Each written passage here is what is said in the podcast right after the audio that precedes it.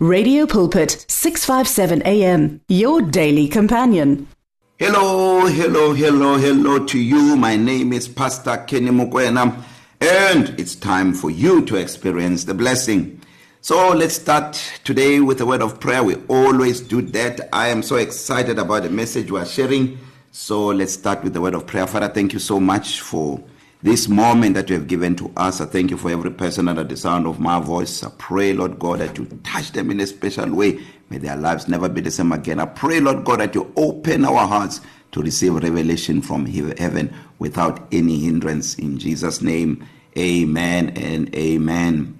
So, welcome to the broadcast, to the show today. We are continuing with our conversation that we started last week Holy Communion tithe connection Holy Communion tithe connection. We want to sit on this message for a while so that um, every argument and reasoning against it, you know, is thrown away by scripture. And I pray in the name of Jesus that revelation knowledge flow through you today. One thing that I want to highlight before we go forward is that you know a lot of people, um, especially when you when they address the issue of the of the tithe, those that are anti-tithing their reasoning is always um, around the fact that no tithing is in the Old Testament. But you see, the argument about the Old Testament and the New Testament, for me, it does not even arise because the, the, the, the Old Testament speaks of Christ. Um, when you read the Bible in the book of Luke, chapter 24, uh, especially verse um, 27, we see there that uh, Jesus uh, joined the two guys who were walking on the road to Emmaus. Um, uh, who were the, those guys, those disciples who were dejected, thinking that their ministry um, was finished and so on because Jesus had died. They were hoping that it was the Messiah, but um, um, they thought that now because he he, he, he is dead now, um, although he told them that he was going to rise from the dead, they never believed. And this is very very important very extremely important especially the message that I'm sharing right now. Because look at this. These guys were going back home to their village because they thought Jesus had died. They thought their ministry was over um, um, because he had died. So if you look at it the other way around if they knew he rose from the dead or they believed that was going to rise from the dead their faith would have been established. So this is the importance of the fact that you must understand that our salvation did not come only by his death because here is a perfect example. He died, but the, the guys who were his disciples, they were going back to their villages dejected because Jesus Christ had died. They never thought that he, he, he would he would rise from the dead. So Jesus came and he began to walk with them. The Bible says that in in Luke uh, um, 24 verse 27, the Bible says that beginning at Moses and the prophets and in all the scriptures underline that. And in all the scriptures he showed he showed them the things concerning himself. This is before the new testament was written. So he it means he went into the entire bible to show them the things um, uh, concerning concerning himself. And when you look at also Luke chapter 24 verse 44 when he has now been when when when when the, those two guys uh, Jesus was revealed to them at the breaking of bread because that is another aspect that we're going to deal with especially in today's show. When it was revealed at the breaking of bread they at that moment remember when they were walking on the road to Emmaus these guys um, uh, were traveling far. In fact um, the the journey they were traveling there is 21 kilometers. They walked 21 kilometers to their village. By the time they arrived it was already late. But the moment Jesus was revealed to them at the breaking of bread, their eyes were open and they saw him. And at that moment, they made the journey back. All of a sudden, they are reignited. Why? Because now they believe that Jesus Christ rose from the dead. That is what complete the salvation package. Now, when they were re reunited with the other apostles and they and they told them that Jesus Christ is alive and so on, and um, um, the Bible says that as they were as they were as they were talking and explaining to them that Jesus Christ was revealed to them at the breaking of bread the bible says that at that moment Jesus Christ appeared to them and when he appeared to them wow it was it was it was such a moment everyone was excited that now the master is, is, is risen. Now they felt that their ministry now is restored. I want to read something for you um, in the book of Luke, Luke 24, verse 44. This is Jesus says, And he said to them, These are the words which I spoke unto you while I was with you, that all things must be fulfilled, which were written in the law of Moses, and in the prophets, and in the Psalms concerning me. So you see this, this is another emphasis that we see from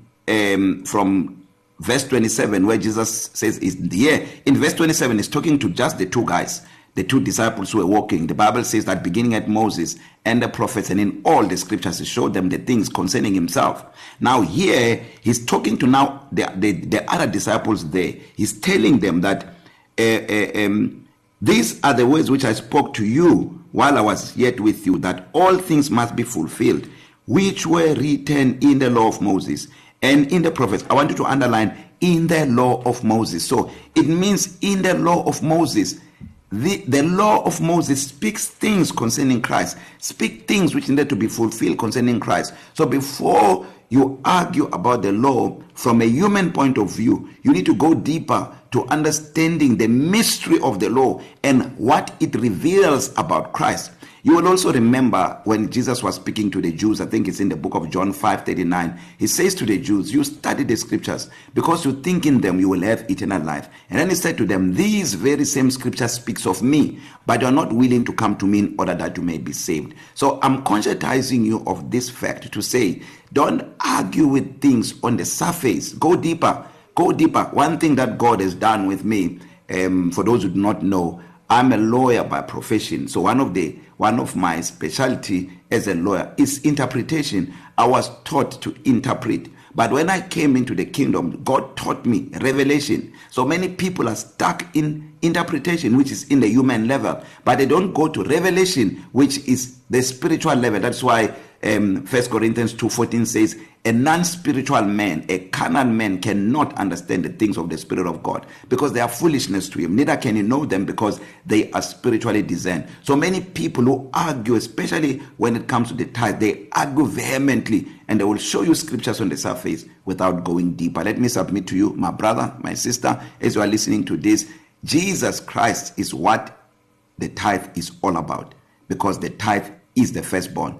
The tithe originates from the firstborn. It is not the, the tithe standing alone. No the tithe originates from the firstborn. And there is a connection between the tithe and the law which you will need to understand. And once you understand that mystery you will never look at the bible the same. Let me submit this. I once heard um Joseph Prince many years ago many many many years ago talk about something which took me a couple of years to understand but thank God I've understood it now. He said that in fact the old testament is the new testament concealed meaning the old testament is actually the the new testament it's just that it is hidden. You need to see Christ for you to unveil the mystery of the old testament as the new testament.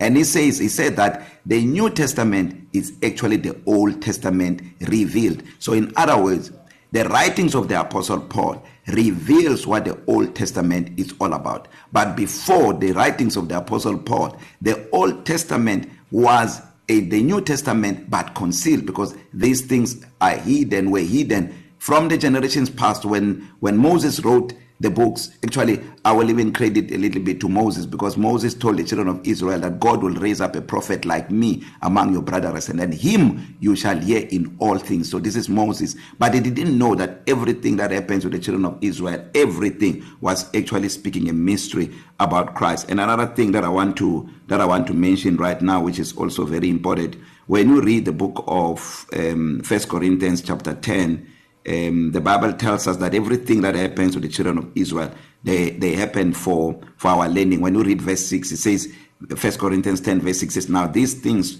were our examples to the intent that we should not last after evil things as they also lasted so when you when when when you put this into context in what the apostle Paul was speaking about there he was speaking about the fact that everything that was written to the children of Israel they were written for our learning. They were written for our admonition so that we can learn from them. So this is very very important that you see Jesus Christ in the Old Testament. And when you see him in the Old Testament you will be able to understand the Old Testament and you will not be able to argue from a human point of view. So what we're talking about here the combination of the of the tithe and the holy communion is the fact that we know by virtue of First Corinthians um 11:26 that when you take the holy communion you proclaim the death of the Lord Jesus Christ until he comes. In fact i want to deal with a point um in today in today's um uh, show which i want you to run with at least for the coming week until we proceed next week. When you look at that word to proclaim to proclaim is the greek word katagelo katagelo. Katagelo which is to proclaim means to celebrate. It says it means to decisively announce. It means to herald a message in a definite binding way. So i'm not going to go into the into the into the many of them. I want to just to touch celebrate. So look at this. So when we take communion and we celebrate his death and leave it there how is it relevant to our salvation? Because our salvation my brothers and my sisters did not come just by our but just by the fact that Jesus Christ died on the cross our salvation is based on the fact that Jesus Christ rose from the dead. Remember the apostle Paul in 1 Corinthians chapter 15 verse 12 says that if Christ is preached that he rose from the dead how can some say that there is no resurrection of the dead? This is the hope of our salvation that one day we are also going to rise because Jesus rose from the dead. He says if there is no resurrection from the dead then Christ is not risen. He says if we are not going to rise from the dead then Christ is not risen. And if Christ is not risen then our preaching is in vain. He says your faith is also in vain. Yes we are found to be false witnesses of God because we have testified of God that he raised Christ from the dead whom he did not rise. If the resurrection of the dead does not exist. If you look at this now look at katagelo proclaiming his death. Now you proclaim his death you leave it there. Salvation package is not complete. You must also proclaim his life. And this is what we see. So here is a celebration. We celebrate that he died. Because his died his death began a process for our salvation. But it did not complete the process. He needed to rise from the dead. So there has to be two celebrations. Because look to celebrate that Jesus Christ died but he did not rise it means nothing. But if you celebrate that his death especially for us now we celebrate his death from the revelation and the knowledge that he also rose from the dead. But because this was placed clearly in the scriptures that this celebration must take place god could not have said celebrate the death when in fact the celebration of the death without the resurrection would not have completed the salvation package. That is why it is important to also celebrate their life. That is why well what i like about this that god kept it a secret. He kept it a a mystery. That is why when abel the first man who gave the firstborn it was a response to god having clothed his parents with that tunic of skin. Because if you look at at this everywhere god deal god is the one that deals with the provision of his son Jesus as a sacrifice but a response is needed from men to complete the salvation package. And we see that pattern everywhere. And i want you to believe this with all your heart and make sure that these two are in place in your life because it's a command to celebrate the tithe but it's a revelation no to to celebrate the holy communion the death of Christ but it's a revelation to respond and celebrate the tithe. So many people don't know. God made it when when it comes to the children of Israel he made it he made it a command.